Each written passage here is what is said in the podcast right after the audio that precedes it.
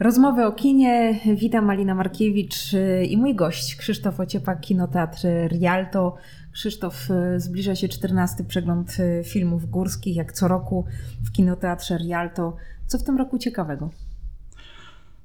Osiem filmów. To są filmy, o których możemy powiedzieć, że to są najważniejsze, najlepsze pozycje ostatnich dwóch, trzech lat, bo w takiej, w takiej rzeczywistości żyjemy postpandemicznej, więc te filmy tych filmów się trochę nazbierało przez te, e, przez te ostatnie trzy lata, bo poprzednia edycja katowickiego przeglądu filmów górskich to był rok 2019, więc e, wracamy e, po trzech, po trzech latach. No więc osiem, osiem filmów, trzech gości, trzy dni spędzone w kinoteatrze Rialto. Dużo oglądania, dużo rozmów, spotkania z gośćmi. W tym roku to jest Peter Chrzanowski, narciarz wysokogórski, pionier tego sportu, pionier tej dyscypliny, w której tak się znakomicie e, odnajduje i realizuje e, Andrzej Bargiel. Monika Witkowska, podróżniczka, e, żeglarka, ale przede wszystkim himalaistka, która w minionym sezonie zdobyła K2. No i na zakończenie Rafał Fronia, himalaista, uczestnik wielu wypraw wysokogórskich, także tych zimowych, między innymi na K2 co mogliśmy usłyszeć e, także w programach telewizyjnych rozlicznych. E, w tym roku zdobył Broad Peak, więc e, emocji, emocji rzeczywiście nie zabraknie. No właśnie, Rafał Fronia, taka interesująca postać w świecie himalajskim, bo nie tylko jest himalajstą, ale przede wszystkim jest pisarzem. Tak, no to, można, to samo można powiedzieć o Monice Witkowskiej, prawda, która jest autorką kilkunastu książek, popularyzuje tą tą dziedzinę, y, jeżeli jesteśmy jeszcze przy, przy Monice Witkowskiej, ja widziałem jej prelekcje zarówno dla, dla dorosłych, y, jeżeli można tak powiedzieć, jak i dla, dla, małych, dla małych dzieci, więc tutaj rzeczywiście ten spektrum odbiorców jest bardzo szerokie.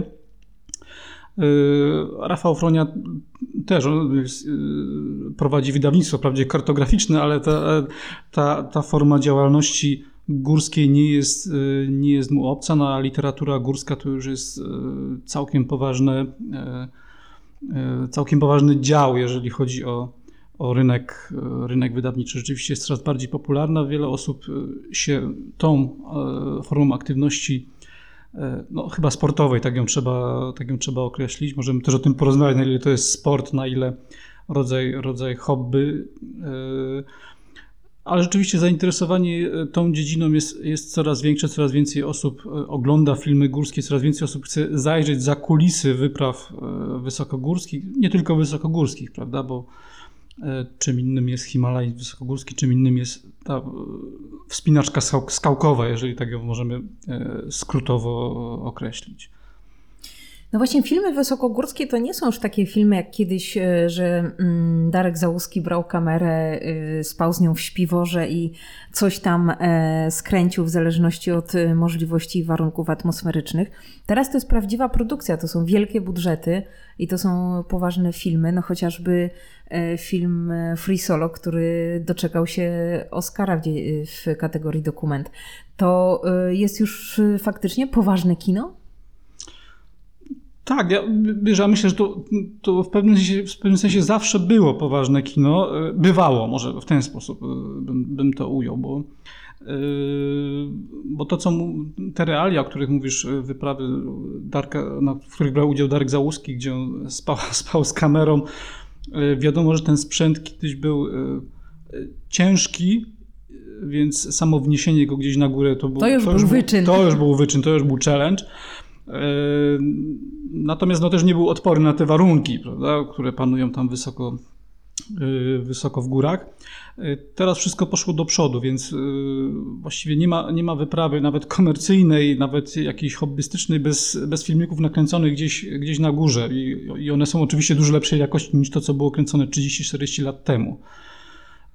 No, 30-40 lat temu to w ogóle nie było filmów kręconych ze szczytu. To, to były zdjęcia często kiepskiej, kiepskiej jakości. Co a potem, czasami ich nie było i były czasami nie było. awantury w Polskim tak, Związku. Tak, albo były zdjęcia mocno prześwietlone, prawda, przypadek Wandy Rutkiewicz. Wszyscy no, do dzisiaj dociekają, czy weszła na Anapurnę, czy nie weszła. Była specjalna komisja powołana, więc nawet Ta technika dzisiaj przychodzi z pomocą, prawda? Można powiedzieć, że nie ma wejścia bez filmu, z bez dokumentu. Bez dokumentu, prawda? Byłem tam i, i zaliczyłem ten szczyt, zdobyłem go. Ale rzeczywiście dzisiaj to bywają duże produkcje, bo część to jest kręcona właśnie tymi metodami takimi cały czas chałupniczymi. Natomiast rzeczywiście coraz więcej jest produkcji bardzo dobrze zrealizowanych, z bardzo dużym budżetem.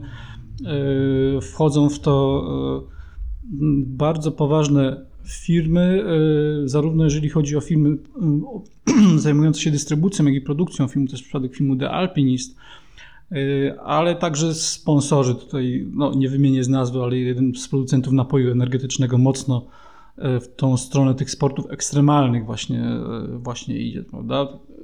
znamy filmy y, z udziałem Andrzeja Bargiela i wiemy, kto za tym, kto za tym stoi.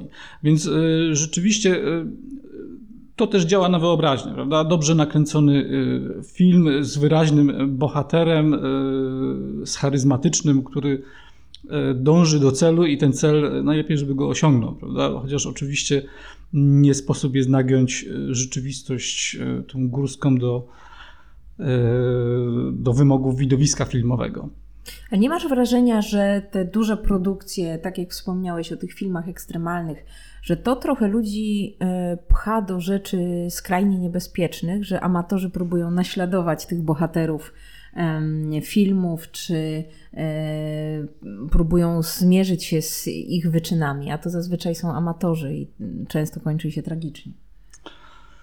No tak, no to jest, ale to jest, wiesz, to, powiedz, powiedziałbym tak, to się nie zaczęło z tymi filmami, prawda? To każda prelekcja e, e, kogoś, kto chodzi wysoko po górach i, i, pokaz, i wystarczy, że pokazywał te znakomite zdjęcia, prawda? Piękne, piękne widoki, e, mówił o emocjach, jakie towarzyszą wchodzeniu na, na górę, mówił, mówił też o niebezpieczeństwie, prawda? Ale to wszystko działa na wyobraźnię, to wszystko działa na na młodych, ale czasami niekoniecznie nie tylko na młodych ludzi, którzy myślą, a właściwie czemu ja, mu, czemu ja e, nie mógłbym tego spróbować.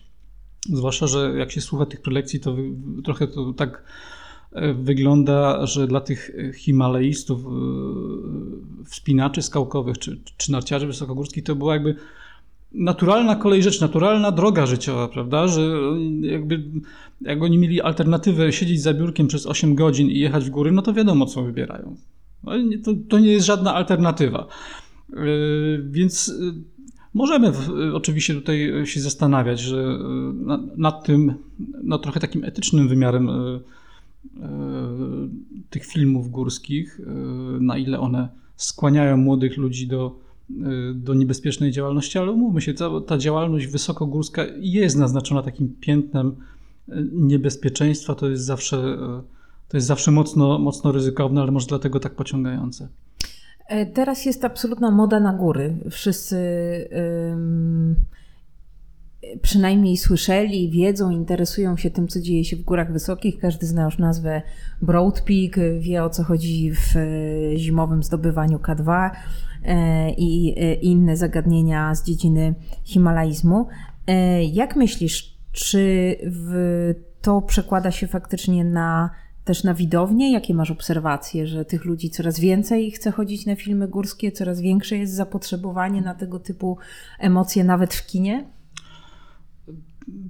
To też zależy.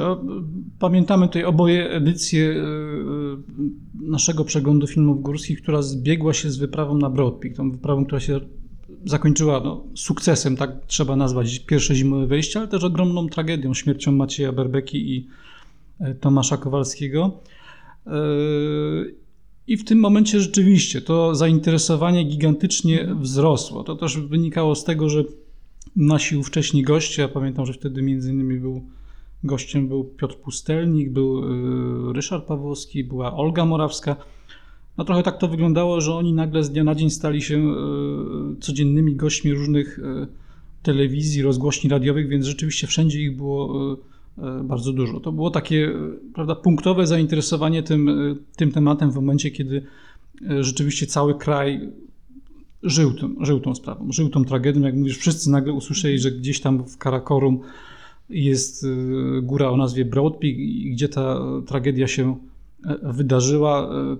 TVN właściwie z dnia na dzień. Codziennie były relacje jednego dnia zdobyli, drugiego dnia już się zaczyna dramat Polaków w Karakorum i mieliśmy to, to na co dzień. Więc tutaj oczywiście to zainteresowanie e, było bardzo dużo.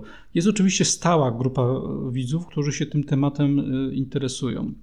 I to nie są tylko ludzie, którzy się wspinają e, mniej lub bardziej ambitnie, ale także tacy powiedzmy nisko Niskopienni. Niskopienni, prawda? Którzy przychodzą posłuchać e, czegoś, czegoś ciekawego, czegoś, czegoś się dowiedzieć e, e, nowego, no popatrzeć na tych herosów Wielkich Gór, trochę ich podziwiać, zapytać o coś i posłuchać, co mają, co mają do powiedzenia, a że ci ludzie są cały czas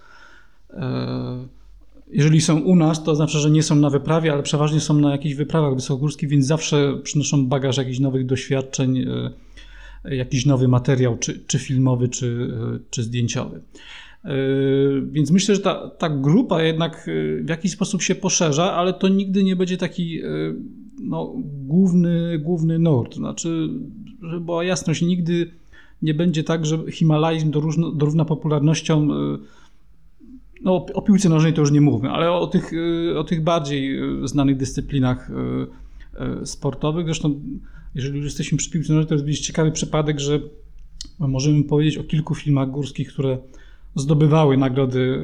E, wspomniałaś Free Solo, ja bym dorzucił Krzyk Kamienia Wernera Herzoga, e, był film Everest, e, całkiem niezły. Natomiast nie przypominam sobie jakiegoś filmu o piłce nożnej, który by porwał moje, moje serce i umysł. Raczej są to dosyć przeciętne produkcje, które gdzieś tam lądują w zakątkach ciemnych, w ciemnych zakątkach platform streamingowych. To jest, to jest ciekawe, że jednak y, y, sporty, gdzie y, gdzie ważne Masowe jest... sporty można by powiedzieć, prawda? Bo tak, masowo tak. interesuje się publiczność piłką nożną. Zgadza się, ale widzisz, kino, właśnie film szerzej, raczej jest chyba zainteresowane takimi sportami, gdzie najważniejsza jest indywidualność. No, stąd boks jest masowy, a jednocześnie powstało kilka filmów e, na czele z sagą o niesamowitym Rokim, e, które pobudzają wyobraźnię widzów.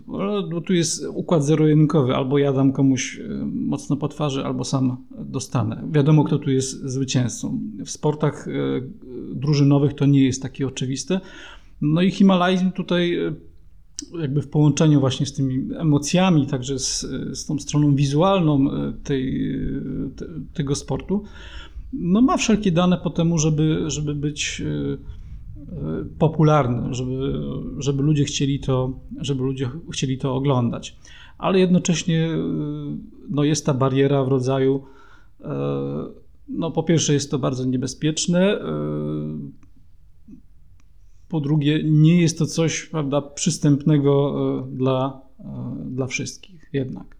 Może dlatego to jest taka tęsknota, mm. wiesz, oglądasz coś, e, za czym tęsknisz, to są zawsze wielkie emocje, piękne widoki, a jednak niedostępne dla przeciętnego śmiertelnika, więc może dlatego to tak pobudza e, wyobraźnię i jest takie zainteresowanie. E, czternasta edycja już e, w tej chwili z pominięciem pechowej trzynastki, jak w samolocie nie ma miejsc trzynastych, tak samo u nas nie było przeglądu filmów górskich, bo pandemia, pandemiczna rzeczywistość nas pokonała. Powiedz z tych 13, no 12 w zasadzie do tej pory edycji, co najbardziej zapadło Ci w pamięć takiego od strony i organizacyjnej, i filmowej, e, jeśli chodzi o gości i o spotkania? Znaczy zawsze będę pamiętał pierwszą edycję, która była takim trochę e, działaniem w ciemno. Gdzieś tutaj przeczuwaliśmy, że, że może być zainteresowanie ze strony, e, ze strony widzów. No, mieliśmy świadomość, że miejsca, w którym jesteśmy, z którego wyszedł Jerzy Kukuczka i jest sporo osób, które, które go zna i wiadomo, jaką, jaką ta postać Y, jakim ta postać cieszy się uznaniem. To jest, człowiek, człowiek legenda. Był, niestety, chociaż cały czas o nim, o nim pamiętamy. No, jesteśmy świadomi tego, jakie, jakich znakomite dokonania mają członkowie klubu wysokogórskiego, więc mieliśmy świadomość, że to, że to się może udać, ale oczywiście to była taka randka w ciemno i, i no i udało się. Prawda? I za tym poszły kolejne, kolejne edycje. Zawsze będę wspominał, chociaż są to takie no, takie, takie wspomnienie związane z pobytem, z przyjazdem Andrzeja Bargiela, kiedy właściwie do ostatniej chwili się zastanawialiśmy, czy Andrzej przyjedzie i, i czy nie przyjedzie. Andrzej przyjechał na 10 minut przed prelekcją i powiedział, że jest jeszcze przecież dużo czasu. Yy, I to była jedna z fajniejszych prelekcji w ciągu tych, yy, w przeciągu tych, tych 12, 12 edycji, ale rzeczywiście kosztowała mnie sporo, sporo nerwów, bo dzień wcześniej Andrzej jeszcze był na obozie gdzieś w Austrii i, i przez cały następny dzień jechał do nas. A my się zastanawialiśmy, czy, czy, czy dojedzie. Czy zdąży, czy dojedzie i co tu szykować. Ciekawe, w jaki sposób zastąpić żywego taką Andrzeja, gwiazdę. taką gwiazdę. Yy, wspominam też yy, jedyną prelekcję, jaką nam dał Arthur Heiser. To było. Yy, to też była sytuacja podobna do tej, jak, jaka, jaka miała miejsce przy okazji przyjazdu Andrzeja Bargiela. Znaczy, Arthur Heiser był na wyprawie na Broad Peak, na tej. No, były trzy, trzy zimowe próby, to była bodajże ta, ta druga, kiedy byliśmy z Arturem Heiserem umówieni jeszcze przed wyjazdem. Przed wyjazdem. No ale e, ta rzeczywistość wysokogórska jest taka, że e, takie, e, takie, takie umawianie się bywa ryzykowne. No, rozmawialiśmy o tym, jaki to jest niebezpieczny sport, więc tutaj drżeliśmy, że, że czy wszystko będzie, czy wszystko pójdzie tak jak, tak jak trzeba, no i i czy zdąży na prelekcję? Czy zdąży na prelekcję? Kilka dni przed dzwoniłem się do niego, do Artura Heisera przez telefon satelitarny. On potwierdził, że, że będzie. No, przyjechał. Był potwornie zmęczony, bo był właściwie prosto z wyprawy na, na, prosto z zimowej wyprawy na Broad Peak i dał prelekcję o tej wyprawie. Znaczy w ciągu tych dwóch dni, jak był w domu, bo tyle to, to mniej więcej trwało, zrobił prelekcję i ją, i ją wygłosił. To rzeczywiście coś było niesamowitego, tak, tak na świeżo posłuchać o Prawie wyprawie. jak transmisja. Prawie, prawie live, prawda? Prawie live. To było takie rzeczywiście, rzeczywiście bardzo ciekawe i bardzo mocne. Myślę, że ten aspekt organizacyjny jest bardzo ważny, za który ty odpowiadasz, bo to są tak wielkie indywidualności, wszystkie te postaci, o których mówimy z, ze świata e, himalaizmu i, i, i bohaterowie tych wyczynów wysokogórskich, że chyba trudno jest tą gawieć ogarnąć i skoordynować tak, żeby e, skonkretyzować datę, godzinę, ich przyjazd, pobyt i prelekcję. E, no tak, oni zawsze są w drodze, oni zawsze są gdzieś, gdzieś pomiędzy, właśnie skądś wrócili, ale już gdzieś, gdzieś wyjeżdżają, więc samo czasem skontaktowanie się z nimi bywa, bywa kłopotliwe ale na szczęście są to ludzie, którzy raczej chętnie e, biorą udział w takich e, imprezach i co ważne, lubią ten kontakt z publicznością, lubią, e, lubią ludzi, którzy ich słuchają i są na nich, są na nich bardzo otwarci, nawet na tych, którzy są kompletnymi laikami, bo nie wiem, to też może nie wiem, jakie są Twoje obserwacje, ale mam wrażenie, że część środowiska jest mocno zamknięta na, to, co jest na zewnątrz. To jest taki krąg wtajemniczonych, którzy wiedzą o co chodzi, jak ktoś przychodzi... Hermetyczne bardzo Hermetyczne, Tak jest, mają. tak. No i, i też e, powiedzmy sobie wprost, nie o wszystkim wiemy, co się rozgrywa w tym środowisku, więc jak te sprawy wychodzą na, na jaw, tak jak przy okazji e, wyprawy na Broadpeak, czy, czy wyprawy na K2 potem zimowej, prawda, e, no to ci tak zwani zwykli ludzie, którzy się tym nie interesują, rzeczywiście są mocno zdziwieni tym, co tam potem widzą, to, chociażby tym, co zobaczyli w filmie e, Darka Załuskiego, Ostatnia Góra. Te realia wyprawy wysokogórskiej, te, e, te ścieranie się ambicji, te konflikty e, w bazie, to jest dla zwykłego człowieka coś, coś zupełnie nowego, coś, coś niezrozumiałego. No niby wszyscy ma, wszystkim nam chodzi o to, żeby wejść na tą górę, niby działamy zespołowo, a tutaj y, są rzeczy, których y, zaskakują. No, zaskakują i to niekoniecznie w ten y, pozytywny sposób, a powiedzmy sobie wprost, na 100% Darek nie pokazał wszystkiego. Jak w każdym filmie pewnie nie zobaczymy wszystkiego, ale yy, też ostatnio oglądając głośny film Broad Peak, yy, pomyślałam, jak yy, różne mogą być odbiory widzów, bo w Broad Peaku mamy taki obraz faktycznie wyprawy która, w której ciągle jest konflikt, w której ciągle jest napięcie, gdzie w ogóle nie ma przestrzeni na żart, zabawę i mm, to, co dzieje się przecież na wyprawach, a z kolei mhm. film Darka Załoskiego pokazuje odmienną zupełnie atmosferę tego, że na wyprawie bywa wesoło, bywa na luzie, że jesteśmy w stanie, nie wiem, oglądać e, filmy albo e, grać w karty. E, także też myślę, że wiele zależy od reżysera i od tego, kto akurat za tym filmem stoi, jakie ma swoje indywidualne odczucia. No, jakie ma podejście do tematu. Oczywiście widzowie chcą zajrzeć za kulisy i zobaczyć y, no, czasem nawet tą niefajną stronę y, wypraw wysokogórskich, no bo potem widzą na lotnisku y, zwycięzców, którzy wracają i są, i są dekorowani, a Zawsze interesuje to, czego nie widać. To, czego nie widać. Wrodzona podejrzliwość każe tam myśleć, no, czy rzeczywiście było tak cukierkowo i, i fajnie. No, no, nie, no są, są konflikty na wyprawach i, i one zawsze były. Nie? To, to, to nie jest nic nic nowego. Nie widzieliśmy ich, bo tak jak wspomnieliśmy na początku, y, nie było kamer na wyprawach wysokogórskich. Kiedyś nie było internetu, proszę sobie wyobrazić, i nie było łączenia. I wyprawa szła dalej. I szła dalej. I to się odbywało, prawda? A Himalejści dzwonili do rodziny raz na dwa miesiące. Tak też było, prawda? I dzięki temu rodzina się dowiadywała, że z nim jest wszystko wszystko w porządku lub dowiadywała się mniej e, przyjemnych, przyjemnych rzeczy. E, no ale w takiej rzeczywistości żyjemy. To kilka lat temu był e, naszym gościem był Alek Lwow, który na pytanie o to, chyba twoje pytanie zresztą, jak, jakby zorganizował taką wyprawę na K2, bo to już było po, po tej ostatniej, po tej ostatniej próbie. próbie zimowej, powiedziałby, powiedział, że on by odciął E, internet i zakazał kontaktowania się e, e, ze światem zewnętrznym. No Alek może tak powiedzieć, no bo raczej nie pojedzie na zimową wyprawę jako kierownik, prawda? Więc to jest, to jest troszeczkę takie utopijne myślenie.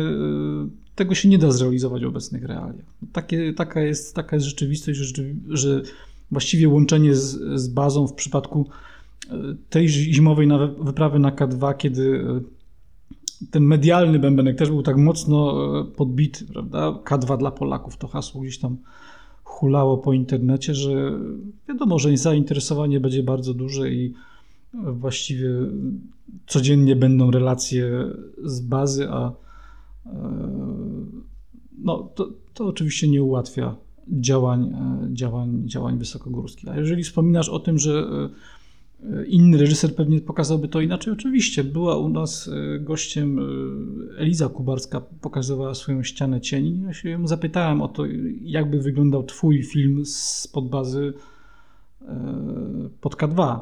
Ona powiedziała, że wyglądałby inaczej. Nie powiedziała jak, ale na pewno wyglądałby inaczej, ale myślę, że wszyscy widzieliśmy ścianę cieni, która też była historią wyprawy, która się nie udała i gdzie były też pewne tarcia i konflikty i wyglądało tam to zupełnie, zupełnie inaczej. Na czym innym się skupiała Eliza Kubarska, a nie na e, nie, na, nie tak stricte na tych e, nie zawsze przyjemnych relacjach między e, członkami wyprawy.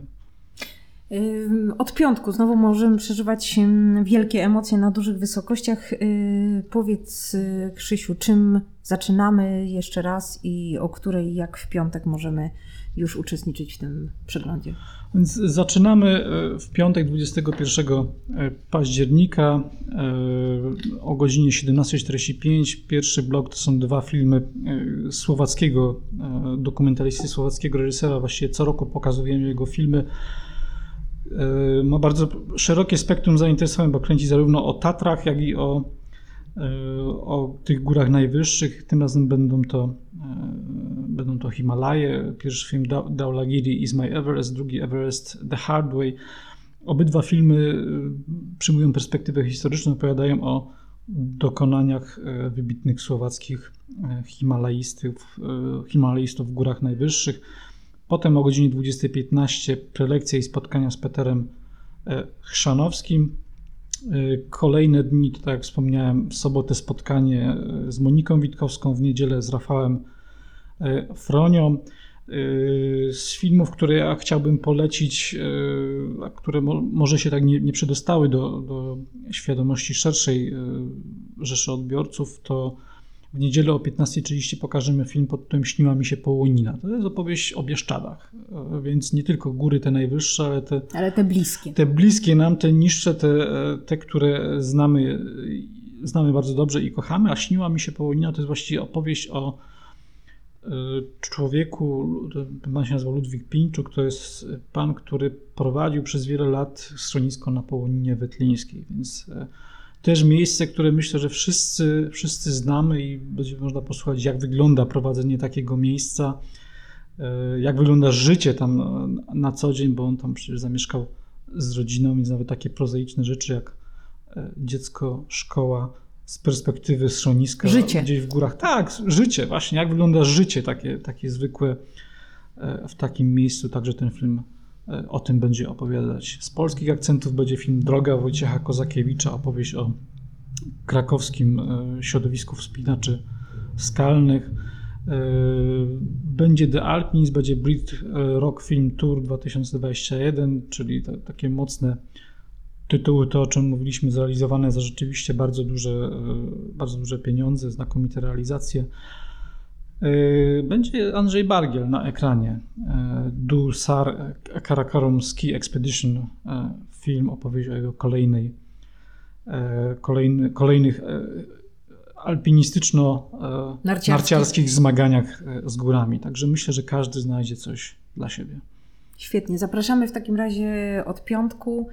Bilety do nabycia przez internet i w kasie kinoteatru Rialto, a my co? Już żyjemy wielkimi emocjami. Tak, serdecznie zapraszam od 21 do 23 października. Od 21 do 23 października Kinoteatr Rialto. To będzie jedyne miejsce w Katowicach, z którego będzie można zobaczyć wysokie, góry wysokie góry. Zapraszamy. Zapraszamy.